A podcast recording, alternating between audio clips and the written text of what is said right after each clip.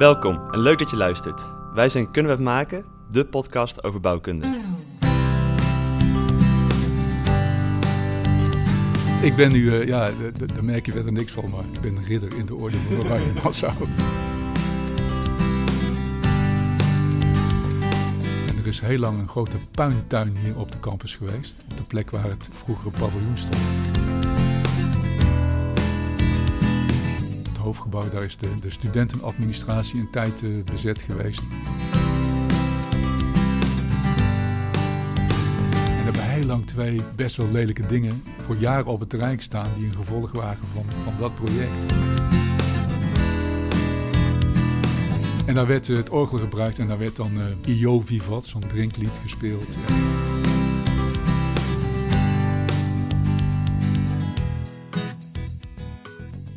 Studie bouwkunde op de Technische uh, Universiteit Eindhoven bestaat dit jaar 55 jaar. In al die jaren is er een hoop veranderd in de built environment. Er vinden vele nieuwe ontwikkelingen plaats en het gaat om digitalisering en duurzaamheid. Nu vragen wij ons af, hoe gaat de TUE om met deze ontwikkelingen en hoe wordt de studie bouwkunde hier continu aan aangepast? En gezien er continu veranderingen plaatsvinden, hoe zag de studie er vroeger uit? In deze podcast gaan we kijken naar het verleden van bouwkunde en dat doen we samen met een hele interessante gast. Wij gaan het samen onderzoeken met Joep Huiskamp. Hoi Joep. Hallo. Bedankt dat je wil aanschuiven in onze podcast. Uh, we willen jou graag eerst een beetje introduceren aan onze gasten en daarom een paar uh, vragen voor je. Je bent uh, veel betrokken bij Eindhoven Studentenstad, heb ik gelezen online. Zou je kunnen uitleggen wat dat is en wat jouw betrokkenheid daarbij was? Oh, Eindhoven Studentenstad, dat is begonnen, ik denk ongeveer 2006, 2007, toen de universiteit 50 jaar bestond. En toen waren we heel nadrukkelijk om dat lustrum te vieren in de stad zichtbaar. En daarna zei het college van bestuur van, hé, hey, daar moeten we eigenlijk toch meer mee doen met die stad. Want die stad doet ook niet zo heel veel met de TU.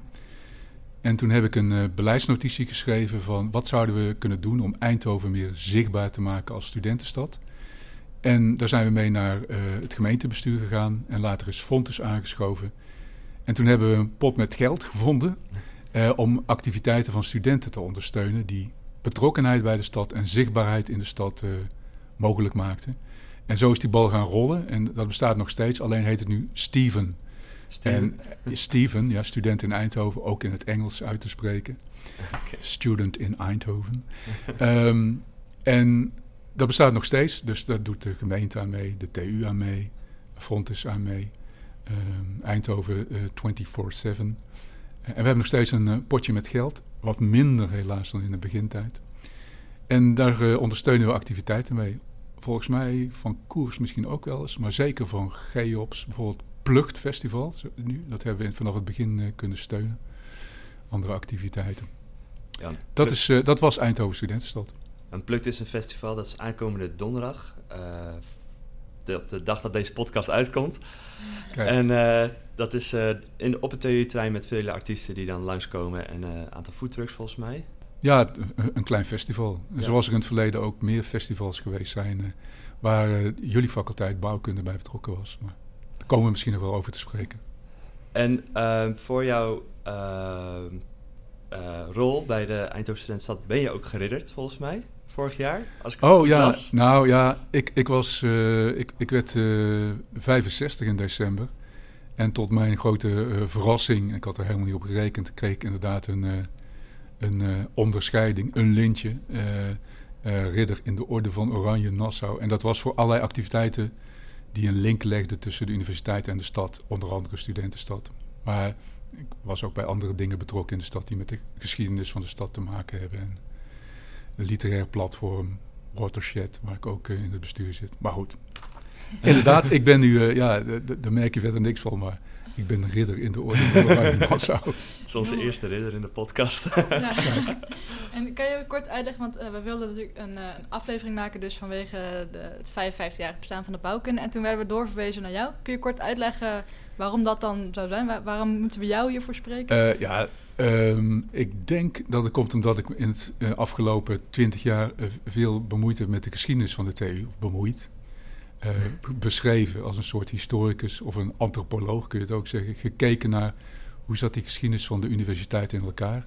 Ik heb daar in 2006 een boekje over geschreven, dat heet De Kleine TU Encyclopedie 1956-2006. En daar is in ongeveer 250 uh, lemma's, heet dat, stukjes, de geschiedenis aan bod gekomen. En sindsdien ben ik ook betrokken geraakt bij het erfgoed, de fysieke voorwerpen die in die geschiedenis verzameld zijn. Hè, als, uit onderzoeksprocessen, uit onderwijsprocessen of allerlei rituele voorwerpen. Uh, en ik probeer daar ook uh, samen met wat collega's uh, een plek voor te vinden om het verhaal van de TU te vertellen. Dus je kunt mij ook een beetje zien als de informele universiteitshistoricus. en ik denk dat dat de reden is waarom jullie de suggestie kregen om met mij te praten. Ja, want we hebben dus uh, het lustrum inderdaad. En we wouden vandaag een beetje gaan praten over het lustrum van bouwkunde. Waar komt bouwkunde vandaan? Hoe is het opgericht? Uh, maar we beginnen altijd met een vragenvuurtje. En het idee is dat we dan uh, een vraag stellen die misschien een beetje prikkelt. En dat je daar dan heel kort in ja, waar of niet waar op antwoordt. En dan kunnen we daarna kunnen we bespreken en het misschien nuanceren als nodig. De eerste vraag die wij graag willen stellen is... De geschiedenis van de TUE vertelt meer dan wat er in een museum te vinden is.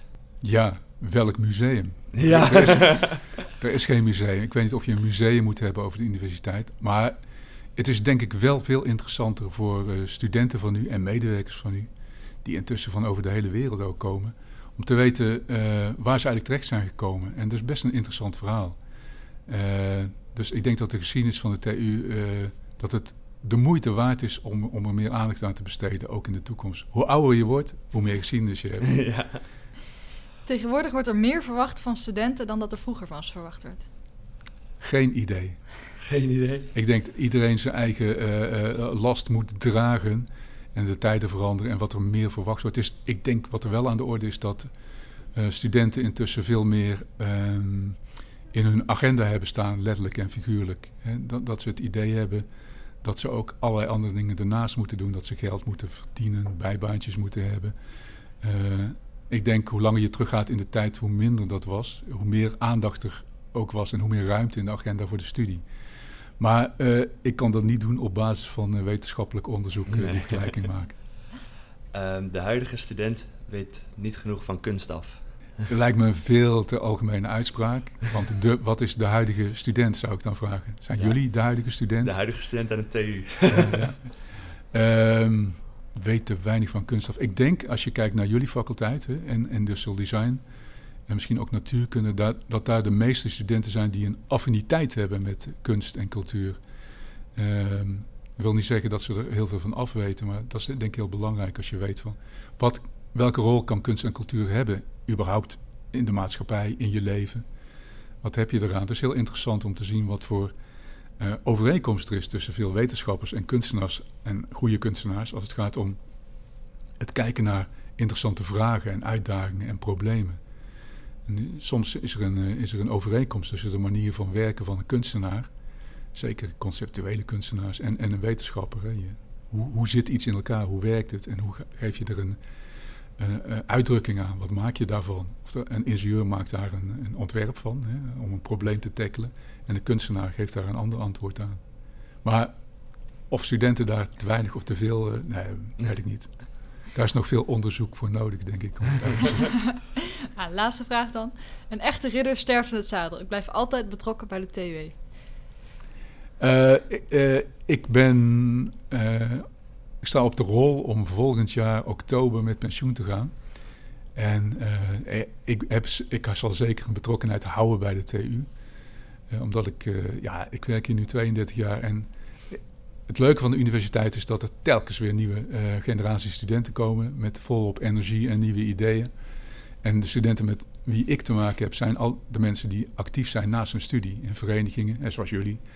Met extra initiatieven. En daar komt altijd heel veel energie uit naar voren. En die energie kun je zelf ook, die, slaat over, zal ik zeggen. Die vonk slaat over. Dus het op een of andere manier betrokken blijven bij de universiteit, uh, ja, lijkt me wel wat, ja. Mooi zo. Uh, ja, je vertelde net dus dat je twee, 32 jaar geleden hier begonnen bent, hè? Toen ben je ook begonnen meteen bij de faculteit bouwkunde, dat je daar betrokken was, of helemaal niet? Nee, nee. Toen ik hier uh, in 1990 begon, uh, was dat bij de afdeling, die heette toen in- en externe betrekkingen. Dat was de communicatieafdeling, de eerste echte professionele die we toen hadden, met een kleine club. En toen ben ik vooral bezig geweest met de wetenschapsvoorlichting over elektrotechniek en scheikundige technologie. Maar, dat is wel interessant, realiseerde ik me. De eerste echte klus die ik deed was uh, publiciteit, perspubliciteit voor een symposium van Docomomo.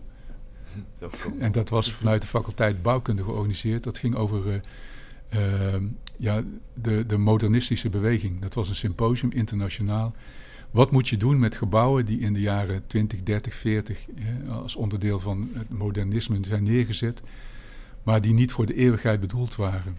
Uh, dus een beroemd paviljoen, waarvan ik de naam even kwijt ben, ergens in het midden van het land, zo'n gezondheidspaviljoen, wat toen gerestaureerd moest worden de vraag van het symposium was: moet je dingen uh, restaureren of moet je ze gewoon uh, uh, maar gewoon laten overgaan en af, afbreken langzaam?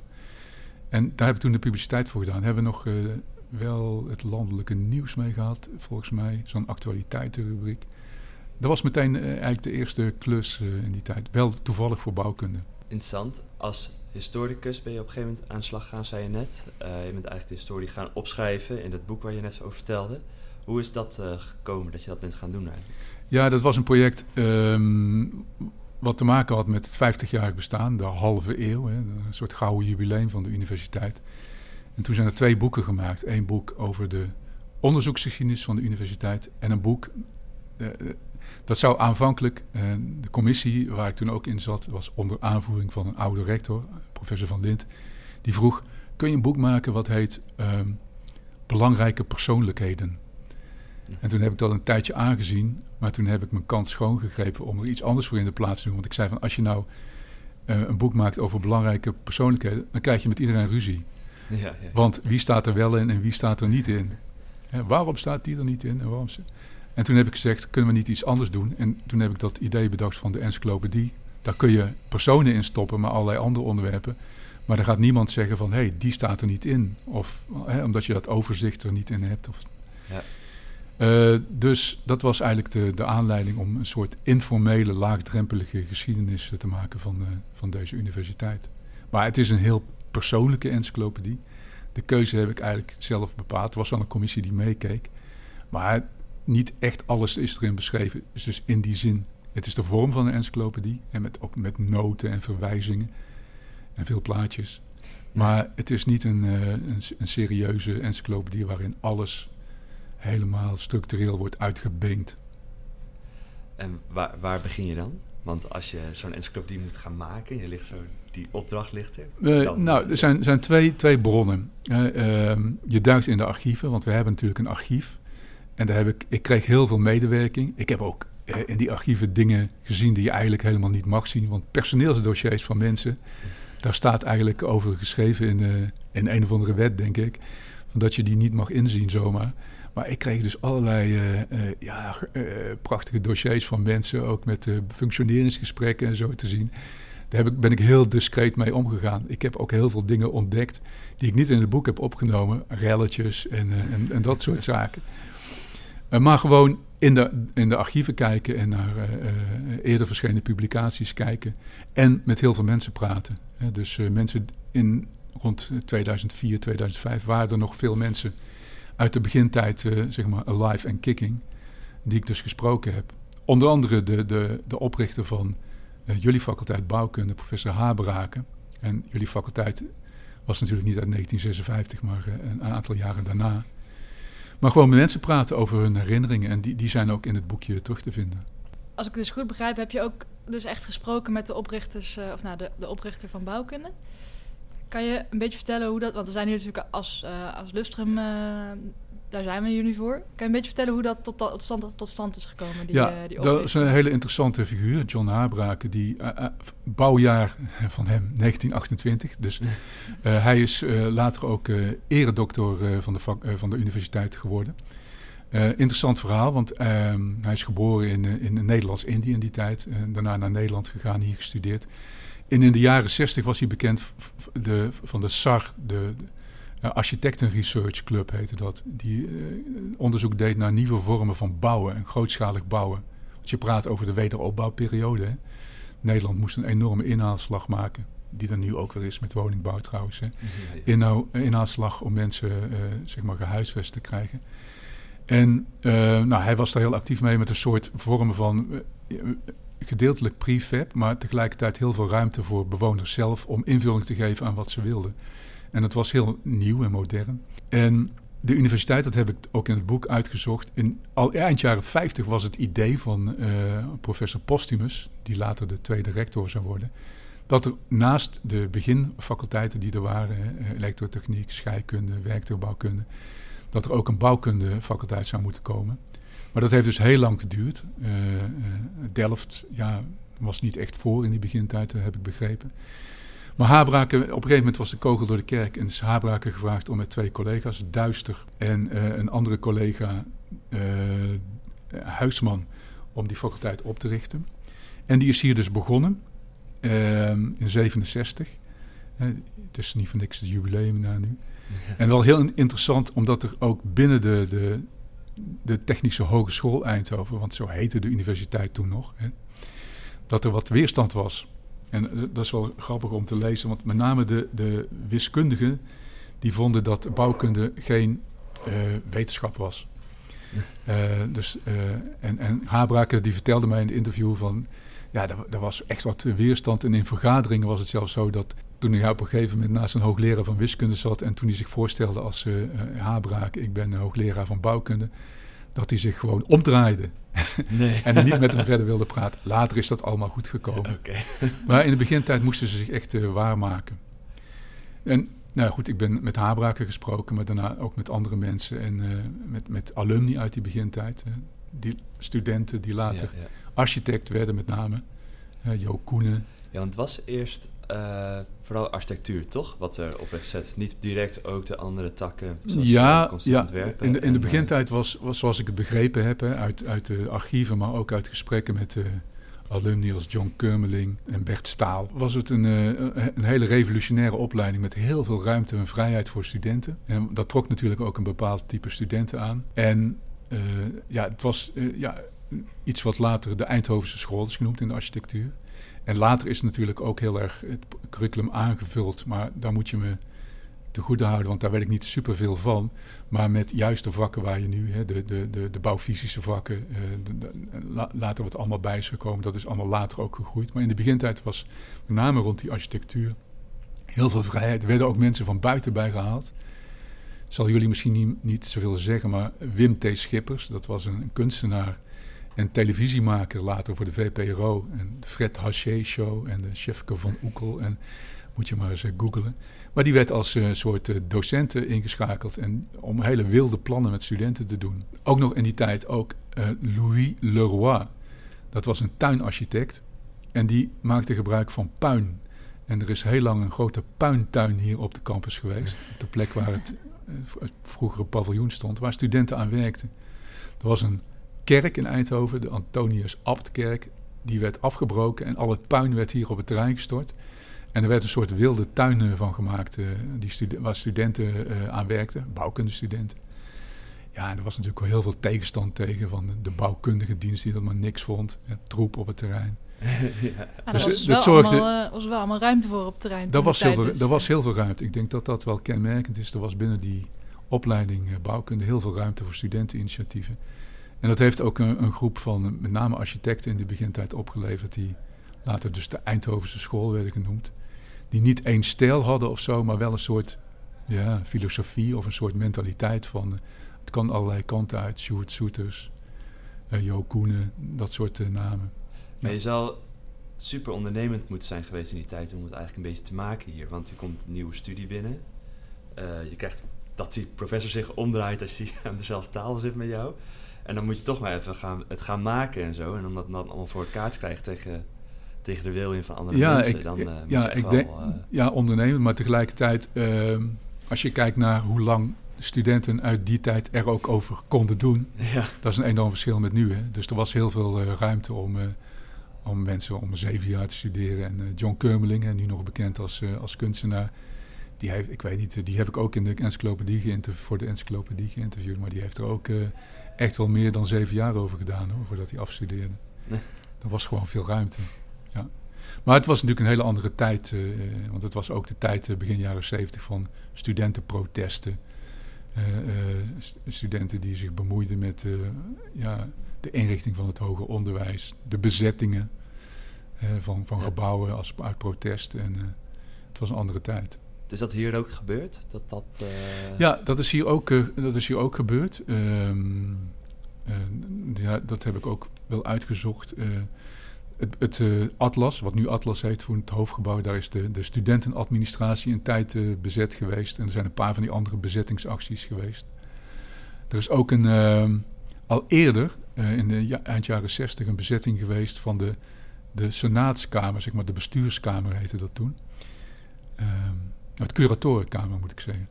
Ehm, waarbij studenten ook protesteerden. Ik weet niet eens waar het, waar het precies over ging. Dat zou ik weer even moeten nazoeken. Eh, en daar eh, blokkeerden ze de zaal. En ja, de bestuurders waren natuurlijk boos. En eh daar moest dan politie bij komen. En, ja. Dat is hier ook in Eindhoven ook geweest. Er is zelfs een primeur geweest midden jaren zestig tegen eh, ehm, beschikbaarheid van woonruimte voor studenten. En toen, toen is er een, eh, een hotel of een gebouw in de stad eh, bezet. Met medewerking. Eh, De krant werkte zelfs mee om publiciteit te genereren. Er zijn hele mooie foto's van, van studenten die eh, in dat gebouw staan. Kun je ook eh, op de mooie website eh, TW in beeld met veel historisch materiaal kun je dat eh, terugvinden. Ja, misschien kunnen wij een paar foto's eh, delen achteraf. Ehm, eigenlijk wat ik wel heel gaaf vind, is dat, dat je dit soort dingen vertelt die nu ook heel erg spelen. Gewoon studentenhuisvesting. Dat is ook nu eigenlijk een probleem. Je ziet het best wel. Je hoort eh, bijvoorbeeld in Groningen dat eh, studenten aan het begin van het jaar in tenten moeten slapen omdat er geen huizen beschikbaar zijn. Ja. Het is eigenlijk wel bijzonder dat het toen, 50 jaar geleden, zaten we met hetzelfde probleem als nu. Hoe, hoe, eh, ja, hoe moet dat typeren? Ja, ik ben natuurlijk geen deskundige, maar als je gewoon kijkt wat er ook in deze stad gebeurt, en in andere steden ook. Mensen willen graag in de stad wonen, jongeren willen graag in de stad wonen. Jongeren willen studeren en willen eigen woonruimte hebben. En tegelijkertijd zie je in een stad als Eindhoven ook van dat die booming is hè, door de bedrijven die hier zitten, de Brainport. Je ziet dat er dus druk is op de woningmarkt, omdat er ook heel veel expats komen die voor de grote bedrijven komen werken. Voor ASML, voor NXP, maar ook voor, voor DAF, voor Philips, eh, ook voor de TU. En dus je hebt van die kant druk op de woningmarkt. En tegelijkertijd eh, zie je het, het aanbod heel gering is. Nou ja, daar hoef je geen eh, eh, deskundige voor te zijn om dat overal te horen. En dat betekent dat er gewoon eh, ja, weinig aanbod is. En dan zijn de prijzen hoog. En dan hebben studenten weinig geld. En is er, ja, is er heel weinig eh, speelruimte. En in die, wat precies in de analyse was in de jaren, eh, midden jaren 60. Ik denk dat het daar nog een gevolg was van de woningnood die er toen ook was. Na de oorlog hè, waren veel huizen vernield. Zeker in eh, eind jaren 50, begin jaren 60.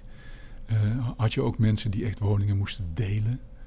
Ehm, ja. Maar goed, ja, nogmaals, ik, eh, ik heb Ja. niet de pretentie dat ik dat goed heb uitgezocht. Ja, dat is wel een beetje andere oorzaken. eh, De woningnood van toen en de woningnood van nu. Als Ja. in, je had daar toen de tijd denk ik nog niet eh, last van eh, allerlei expats die ook... eh, Nee, maar het, het gaat natuurlijk om aanbod van woningen tegen betaalbare prijzen. En eh, Ja. aanbod van woonruimte, ja. ja.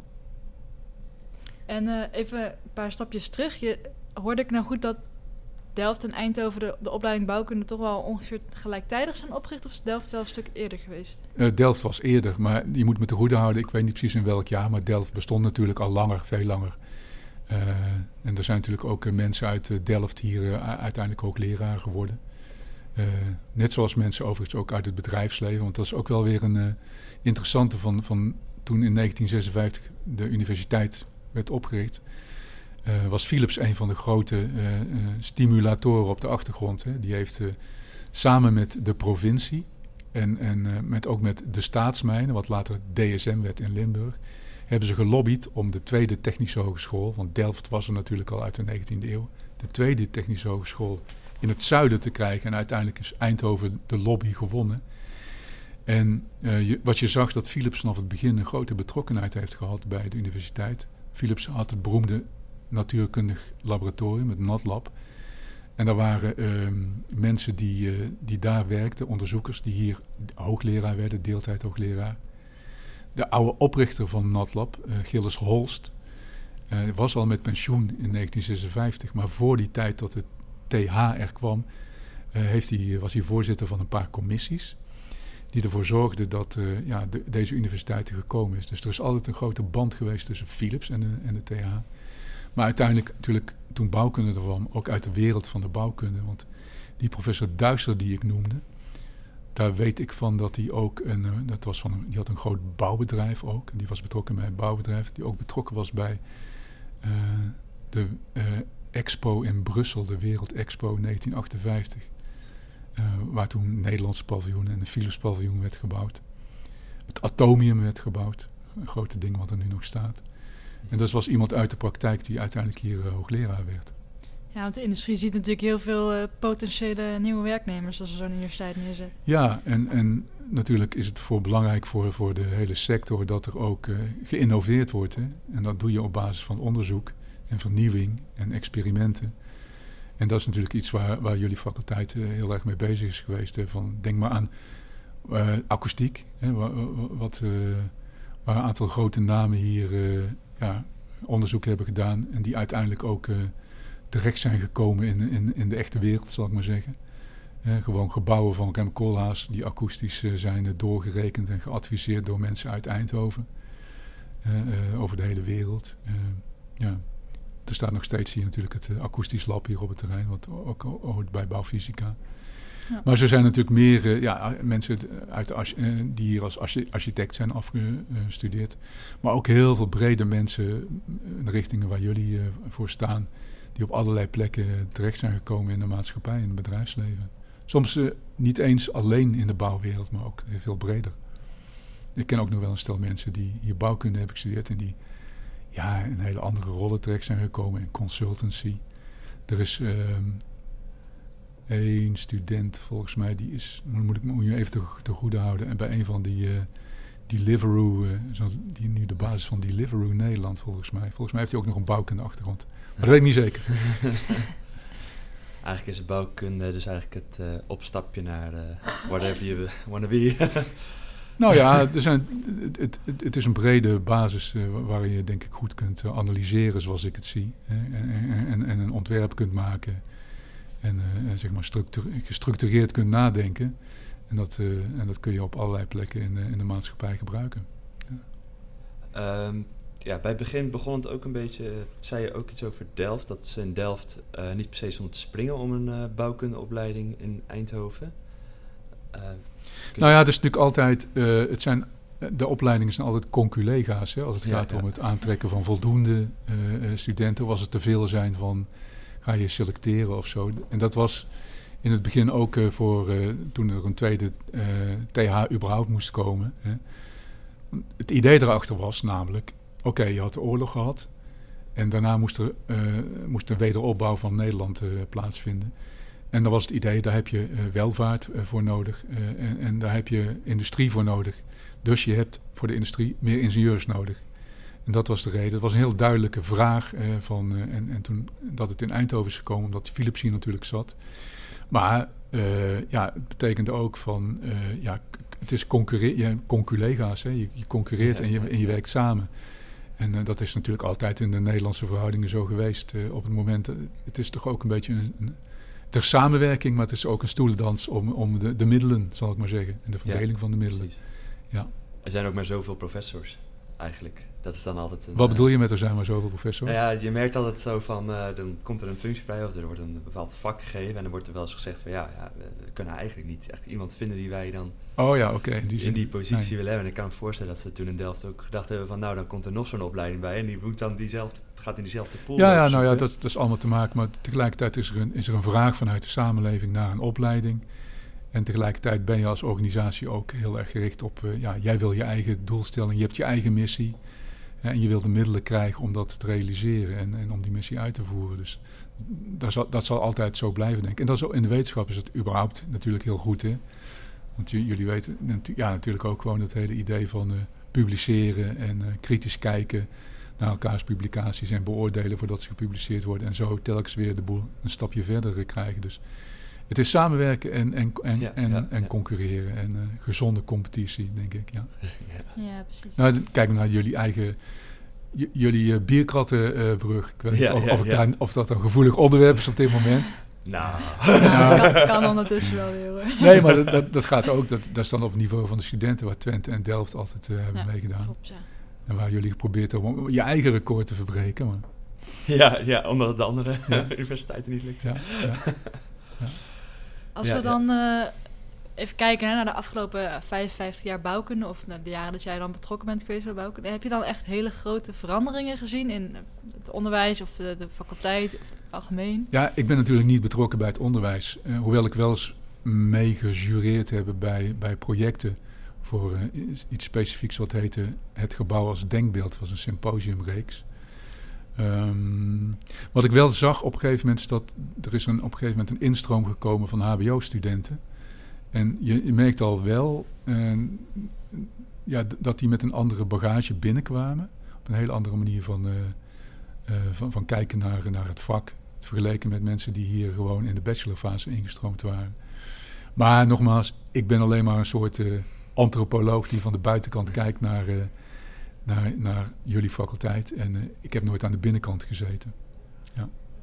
Dus ja, grote veranderingen. Eh, kijk, op een gegeven moment, het, type student verandert. Hè. Eh, jullie zijn van een generatie die weer heel andere bagage heeft meegekregen dan de generatie die in eh, 2000 is begonnen of in 1995. Ja. Maar zijn, zijn typeringen die je dan echt merkt? Dat je dan zegt van, nou, in 2000 of in 1990 toen... Nou ja, in het begin mensen. hadden we even over de, de, de tijd. Hè. Eh, eh, eh, ehm, ik, ik, doe, ik heb vorig jaar eh, in het Lustrumjaar hebben wij een project gedaan dat heet Social Heroes.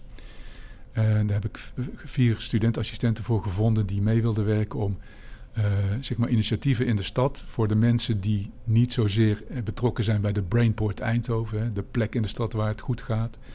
Maar gewoon in de wijken om, dingen te doen voor eh, ja, handen uit de mouwen projecten vanuit verenigingen. Vier studenten voor gevonden. Super enthousiast en we hebben een aantal hele mooie dingen kunnen doen.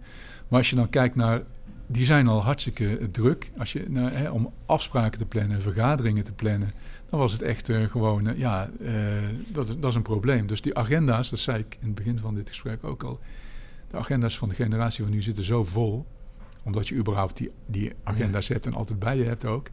En het fear of missing out verschijnsel. En je wil ook sociale leven. En dan heb je ook nog de coronatijd gehad. Dus je ziet wel ja, dat, dat, dat j- jullie, zeg maar even eh, heel eh, algemeen, jullie generatie het gewoon eh, wel inderdaad heel druk heeft. En het ook helemaal vol plant. Ja, Ik weet niet of je dat zelf ook vindt, maar ja zeker wel. Maar als je het dan eh, specifiek hebt over meetings plannen en zo, dan zie ik wel eh, dat het lastig is af en toe. Ja. ja, dus ruimte hebben in je, in je hoofd, maar ook in je agenda, zal ik maar zeggen, om dingen te doen eh, en prioriteiten aangeven. En, eh, ja. En er zijn, ja, je- je, kunt heel veel prioriteiten hebben op dit moment natuurlijk. Ja. Ja. Maar nogmaals, ik heb daar in de jaren 90 geen onderzoek naar gedaan. Hè. Dus Nee, gewoon, eh, nee, het zijn nee, gewoon maar het wat- gaat ook een beetje om de ervaringen. Zeker, en het, ja, eh, ja, gevoel. ja, ja, ja, klopt. Ehm, naast dat je heel veel eh, dus uitgezocht hebt over de, de historie van de, de TUE en zo, vertelde je, of nou, ja, vertelde je voor dit gesprek ook dat je betrokken was bij de kunstcommissie of iets in die Ja. richting? Ja, en de, de kunstcommissie is eh, wat, wat eh, dat bestaat al een hele tijd eh, binnen de TU in verschillende vormen. We hebben als universiteit ook een flinke kunstcollectie, beelden op het terrein, grote grafiekcollectie. Maar ook hele bijzondere voorwerpen die, echt, die ook gezien worden in de kunstwereld als heel bijzonder. En het interessante is dat, dat de faculteit bouwkunde vanaf het begin daar een rol heeft gespeeld. Heel, heel kort samengevat. Het is ooit begonnen met eh, eh, Samuel van Emden, de architect van het hele terrein. Die is begonnen midden jaren 60 met het idee, er moet een kunstcommissie komen. En eh, die kunstcommissie zou, moeten, ja, zou moeten zorgen voor verfraaiing van het terrein. Een hele rare doelstelling, verfraaiing, dus niet, niet echt inhoudelijk. En er was heel veel geld in die tijd. Toen had je een zogenaamde 1%-regeling. 1% van de bouwkosten mocht besteed worden aan, aan kunst. Eh, en ik heb uitgerekend van, dat was bijna 700.000 gulden was er beschikbaar. Dus als je, dat, als je weet, mijn ouders kochten in 1966 een huis voor 33.000 gulden. Dus bijna 700.000 gulden. Dan weet je hoeveel geld er was. Uh, dus er waren, de architect was ermee begonnen, maar daarna zijn Habraken, toen de, eenmaal de faculteit bouwkunde was, werd lid van de kunstcommissie. Uh, Quist, ook een beroemde architect. In Eindhoven zie je, heb je nog de beroemde ballen of de bollen van Quist. Uh, in, uh, vlakbij de Genneperparken, dat is een wateropslagsysteem. Oh, ja, ja, die watertoren. daarna Wout Eikelboom, dat zijn allemaal mensen geweest. En ook daarna nog Jouke Post en, en op dit moment Bernard Kolenbrander. Voorzitters van de kunstcommissie die van bouwkunde kwamen. En wat heel interessant is, en dat is wat jullie nog kunnen zien in, in Vertigo, is bijvoorbeeld de Umbilly, dat vliegtuigje wat staat boven de, de werkplaats. En die, die, dat hangt een beetje in de vierde, het vliegtuigje wat niet kan vliegen. En dat is nou typisch een verhaal uit de jaren, begin jaren, ja, midden jaren zeventig. Toen was Eikelenboom de voorzitter uh, en toen moest kunst moest prikkelen, moest schuren. Ja. En wat werd er toen gedaan? Toen was er geld beschikbaar en best wel veel geld, uh, orde grote 50.000 gulden, om een kunstwerk aan te kopen bij Panamarenko, een uh, Belgische kunstenaar. een, een, hele eigen gerijde man die wereldberoemd is geworden. Hij is een aantal jaren geleden overleden. En die maakte een vliegtuigje waar zogenaamd in kon trappen en dan gingen de vleugels bewegen en dat, dat zou dan zogenaamd kunnen vliegen. Dat kon natuurlijk helemaal niet vliegen. Dat werd neergezet bij de uh, faculteit uh, werktuigbouwkunde. En die werden boos, want die vonden het een belediging. 15.000 gulden voor iets wat niet kan vliegen. En het is een belediging voor de werktuigbouwkunde. Er kwamen al rellen en discussies. En uiteindelijk is het, uh, is het vliegtuig toen omarmd door de faculteit bouwkunde. En heeft heel lang in de bibliotheek gestaan van bouwkunde. Toen hij nog in het hoofdgebouw stond. En daarna, toen Vertigo geopend werd, heeft het daar een plek gevonden. Maar dat vliegtuigje, als je het, uh, het wordt al niet meer uitgeleend, want het is heel breekbaar. Maar de verzekerde waarde van de laatste keer was uh, eh, 6 ton, 600.000 euro. Okay, het is een topwerk uit zijn oeuvre. We hebben met die kunstcommissie een uh, aantal jaar geleden een boekje gemaakt, onder andere over dit werk. Daar kun je ook interviewen. Er is ook een, hij is geïnterviewd, er is een video over gemaakt, kun je nog wel vinden op de website. En dan kun je de uitspraken van uh, Panamarenko horen in, uh, in uh, plat Antwerps. Die zei waarom die eigenlijk dit vliegtuigje zo gemaakt heeft. Om die professors een beetje te, hè, prikkelen. te prikkelen. ja, inderdaad. Misschien kun je dat citaat nog vinden, dat is hartstikke leuk. Maar zo zijn er meer hele bijzondere kunstwerken geïnitieerd. En waar mensen van bouwkunde bij betrokken zijn. Het is altijd een, een betrokkenheid geweest van bouwkunde. Bijvoorbeeld de, de serie muurschilderingen in Atlas, de 16 covers van Gijs Vrieling. Die zie je, als je binnen het gebouw loopt, dan zie je die uh, op de muren staan. Dat zijn voorkanten van wetenschappelijke publicaties, uh, tijdschriften uit de, zeg maar de periode van na de Tweede Wereldoorlog tot nu. En die Gijs Vrieling, die heeft hij met zijn team heel groot op die muren gedaan. Dus onder andere bij de grote collegezaal zie je de voorkant van een bekend boek van Rem Koolhaas. Delirious New York. Heel grote muurschildering. Als je je de zaal ingaat. Er zit heel veel links, nogmaals, tussen bouwkunde en, uh, en de kunstcollectie. Dan zie je toch een beetje die creativiteit terug uh, die je bij de bouwkunde dan al wel nodig hebt voor architectuur en zo. Dat die ook wel mengt met uh, de creativiteit in kunst. Ja, dat, dat denk ik wel. Ik denk dat er relatief meer mensen zijn die, die iets hebben met, met kunst en cultuur. Maar goed, Uitzonderingen zijn natuurlijk op allerlei plekken. ja, natuurlijk. Ja, dat hou je altijd. Voor, voor Vertigo heb je het uh, Koeveld. En daar staat ook een uh, kunstvoorwerp. Volgens mij heet het De Koe. Uh, ja, klopt dat? Nou, interessant. De, de, de, de, de geleerden zijn het daar niet over eens of dat kunst is. Het is, een, het is okay. wel een object. is het een design? Is het een, is het een stadsmeubel? Het is wel iets volgens mij vanuit jullie eigen kring. Hè? Dat is daar gekomen in... ik weet niet hoe lang het precies staat. Ik denk een jaar of twintig of zo. Uh, dat is overigens ook een, een verwoede strijd altijd geweest, want er is ook zoiets als een kwaliteitscommissie op de TU. Ja, ja. Die zorgt over de uitstraling van het terrein. En die wil uh, verrommeling tegengaan. Verrommeling. Verrommeling. ook nou een ja, mooi je, woord. je, je, hebt, ja, je hebt dat ding dat toch meer een soort verbruiks, gebruiksvoorwerp, een stadsmeubel is, want mensen kunnen erin zitten. Maar je hebt uh, precies tussen Vertigo en het, de Zwarte Doos staat ook ehm, de seed van dit kunstenaar Tajiri. Dat is zo'n dun bronzen ding met een bol. Ja, ja, het heeft iets vallies. Eh, daar is ook de hele geschiedenis van bekend. Hè. Dat is een, een kunstvoorwerp wat aangekocht is in de jaren 60 van ook een beroemde kunstenaar, Tajiri. Dat is dus echt kunst. En daarnaast staat weer, ik weet niet eens hoe het ding heet, ietsje verder, een soort kromme uh, ja, boog van beton. En dat is een ontwerp van een student die de betonprijs of zo voor studenten toen won. En de prijs was dat hij het ontwerp mocht laten uitvoeren. Zo. Maar dat is weer geen kunstvoorwerp. Dat en dat is dan wel weer, dat zou er dan in twee jaar staan of zo. Maar het staat er al 13 jaar intussen. Maar je zegt dat is wel een kunstobject en dat niet. Wat, wat is dan de definitie van een kunstobject? Wanneer ja, is ik denk, denk de, de intentie waarmee iets gemaakt is. Eh, kijk, eh, de seed van Tajiri is niet gemaakt om op te zitten. Dus om naar te kijken, dat Ja. drukt iets ja, uit. precies. Het, het, het, het, het koeding, eh, het goed. het koeding is, daar kun je in zitten en dat gebeurt ook, eh, dat wordt gebruikt. Dus die intentie is heel bela- eh, belangrijk. Wat het interessante is, want als we nu toch over die plek hebben, een eindje verder staat het objet mathematiek. Dus dat geel-blauwe ding met buizen. Dat is ook weer een interessant verhaal, want eh, dat staat eh, tussen het auditorium en, en, eh, en Vertigo. En dat is eigenlijk het enige ding wat nog over is, een van de weinige dingen van het Philips paviljoen uit de wereldtentoonstelling van 1958. Dat is ook een interessant verhaal, want dat hele ehm, dat eh, paviljoen is ontworpen door Le Corbusier, door Xenakis. En, eh, en eh, componist Varese, dat was een gezamtkunstwerk wat in Brussel gestaan heeft. Eerste multimedia ding. Het was een film en geluid en er moesten mensen in, in dat hele modern vormgegeven gebouw. En werden ze kregen een soort bombardement met beeld en geluid.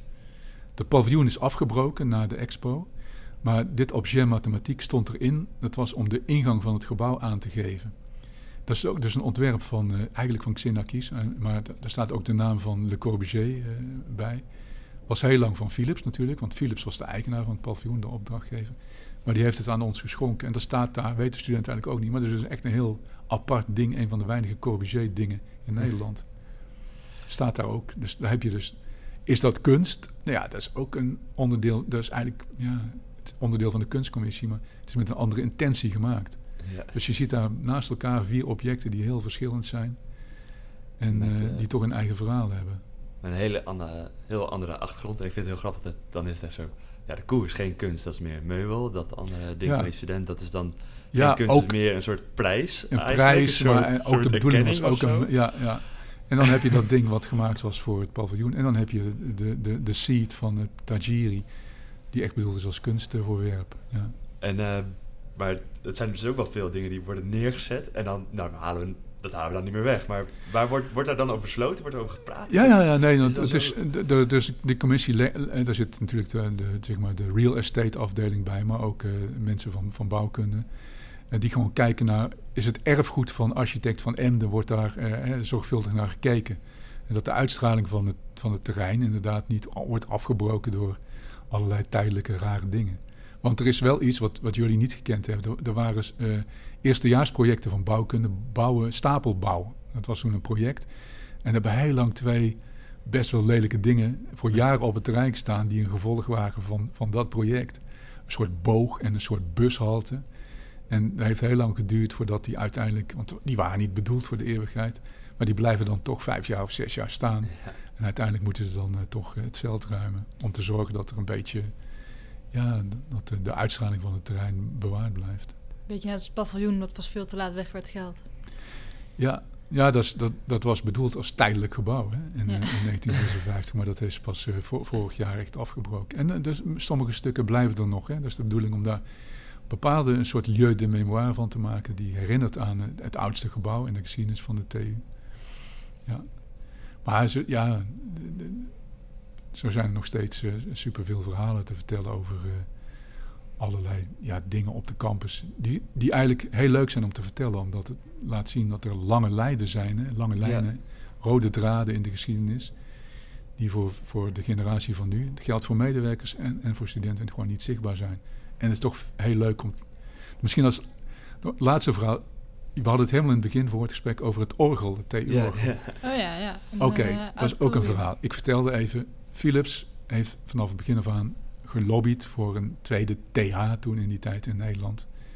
In 1986 werd het universiteit, net zoals Delft, Wageningen, Rotterdam, Tilburg. Dat was een wetswijziging, wet, hogeschool, universiteit. Maar goed, 1956, dan moest die uh, universiteit, de tweede universiteit, ging de kogel door de kerk, die kwam hier. Philips had vijf jaar daarvoor een miljoen gulden uh, opzij gezet als een soort bruidschat.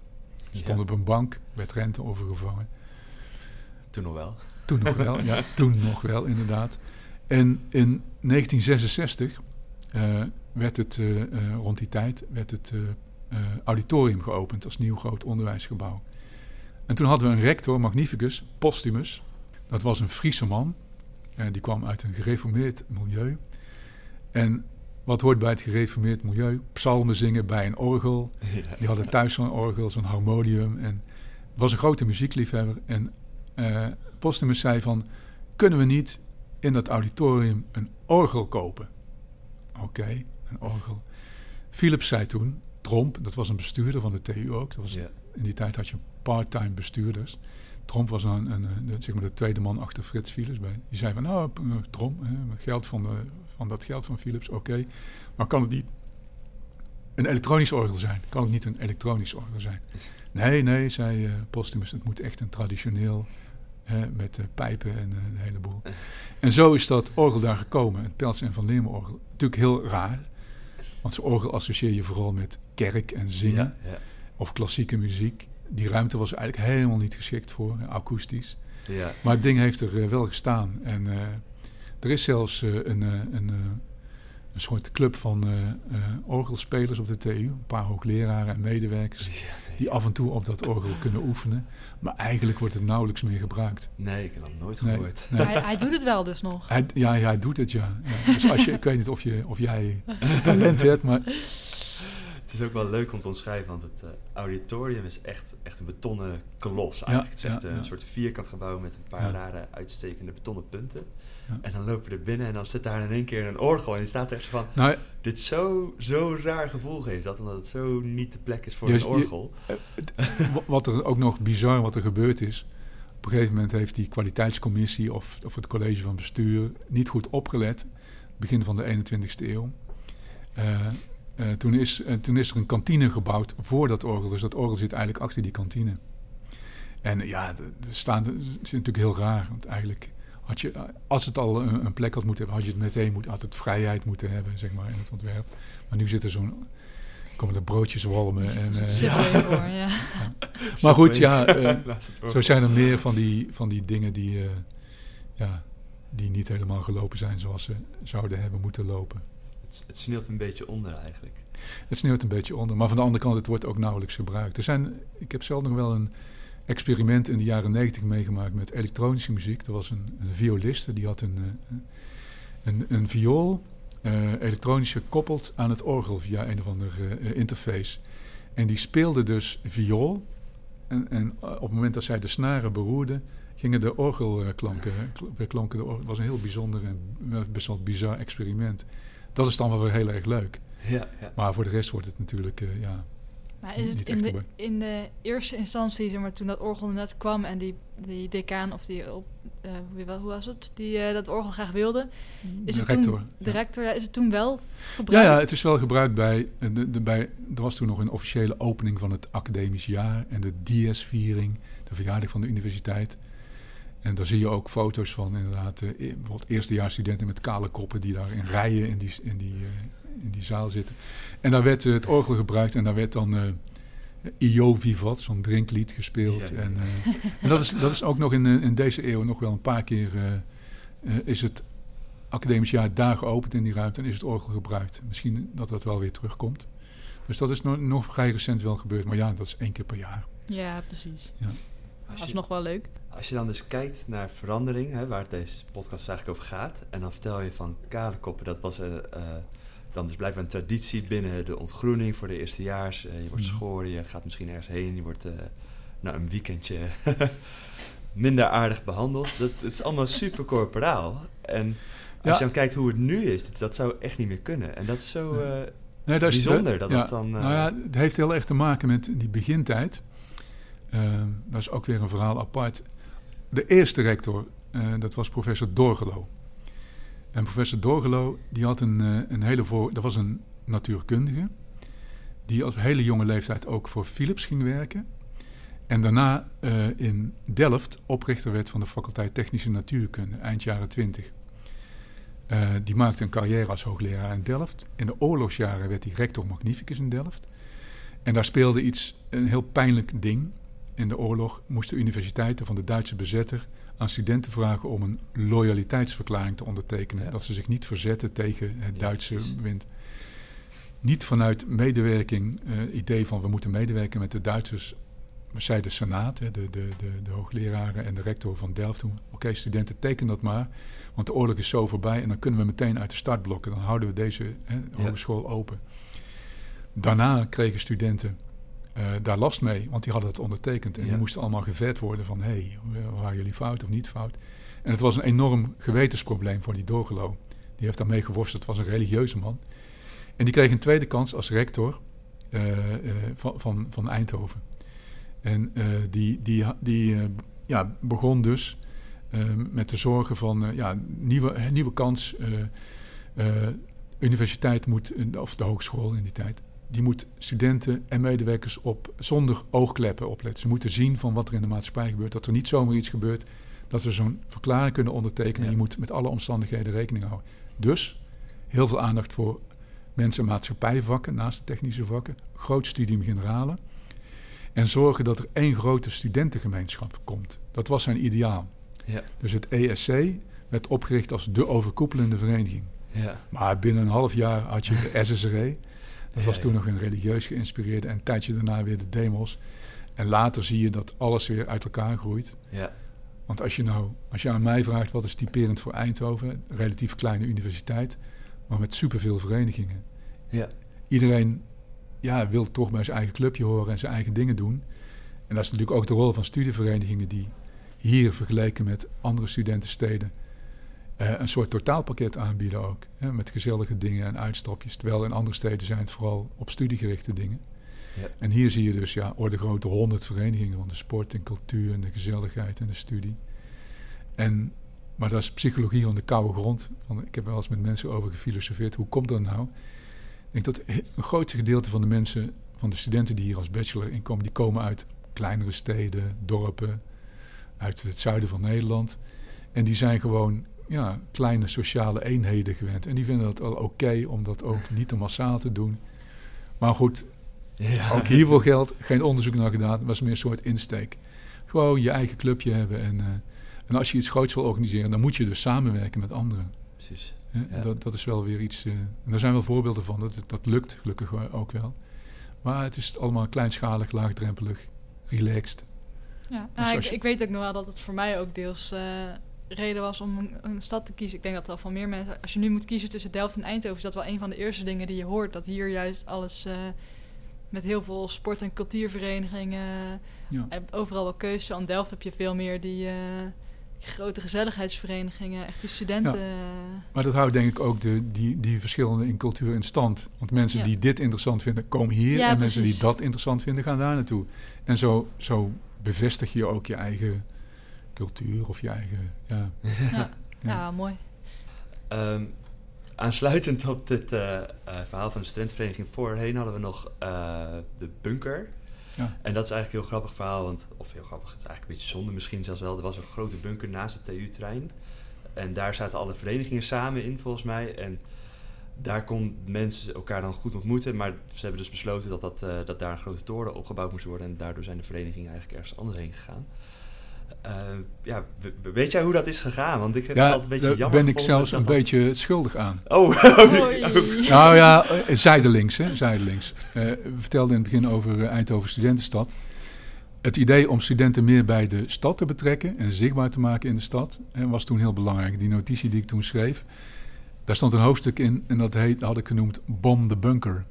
Bom de bunker. Ja, uh, en het idee was van als je nou meer betrokkenheid wil realiseren in de stad, dan moet je in de stad gaan zitten. Met name met de gezelligheidsverenigingen.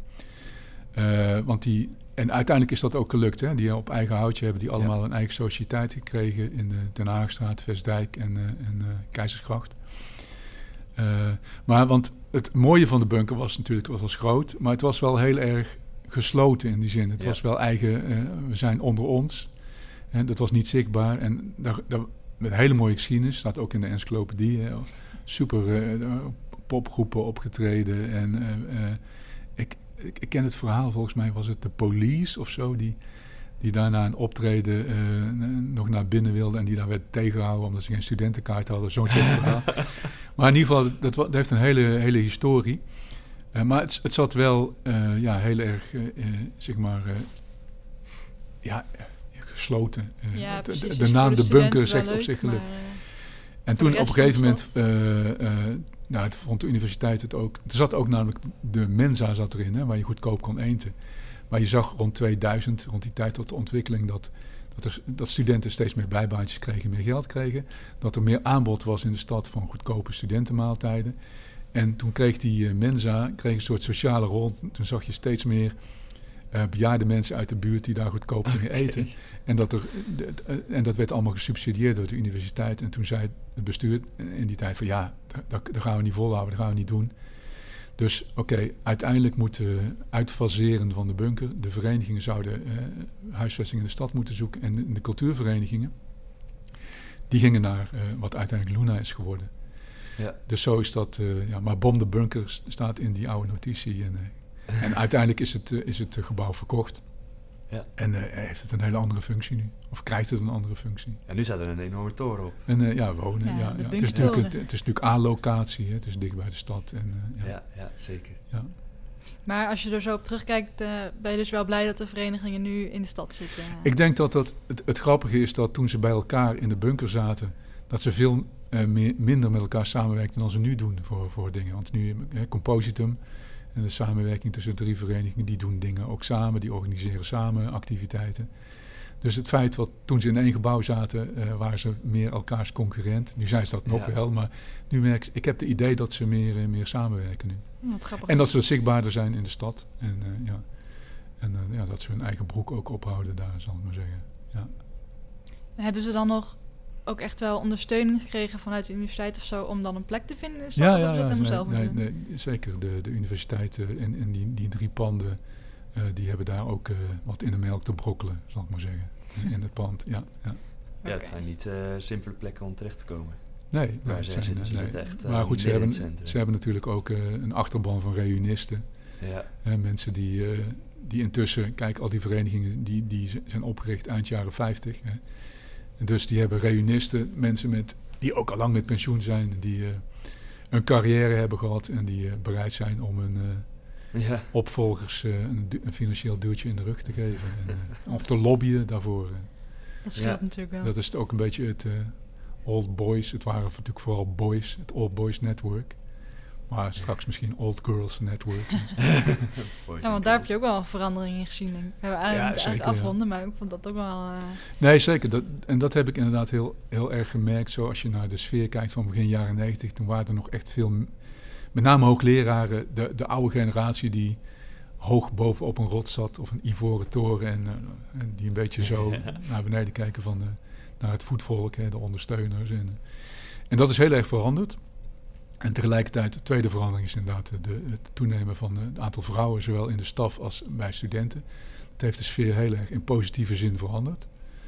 Ja. De, de openheid, de activiteit. eh.